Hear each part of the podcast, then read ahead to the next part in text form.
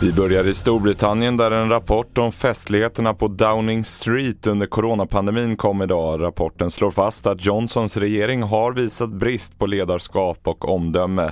Vi hör utrikeskommentator Lisa Grenfors berätta mer. Det här eh, som nu har kommit idag, den rapporten, eh, den förstärker att eh, ansvaret ligger inte bara hos tjänstemännen utan också hos politikerna, skriver hon.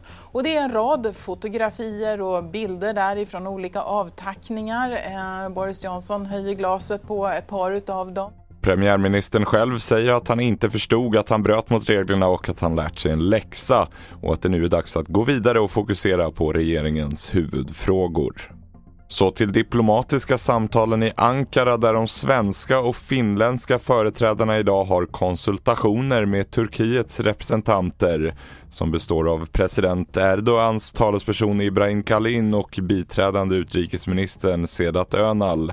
Enligt utrikesminister Mevlut Cavusoglu kräver Turkiet ett skriftligt avtal med Finland och Sverige för att lägga ner sitt veto i NATO-frågan. Det rapporterar bland annat tidningen Turki. Samtidigt uppger tidningen att Sverige har informerat Ankara om att man ska se över sin terrorlagstiftning. Uppgifterna har inte bekräftats. Fler nyheter finns på tv4.se. Jag heter William Grönlund.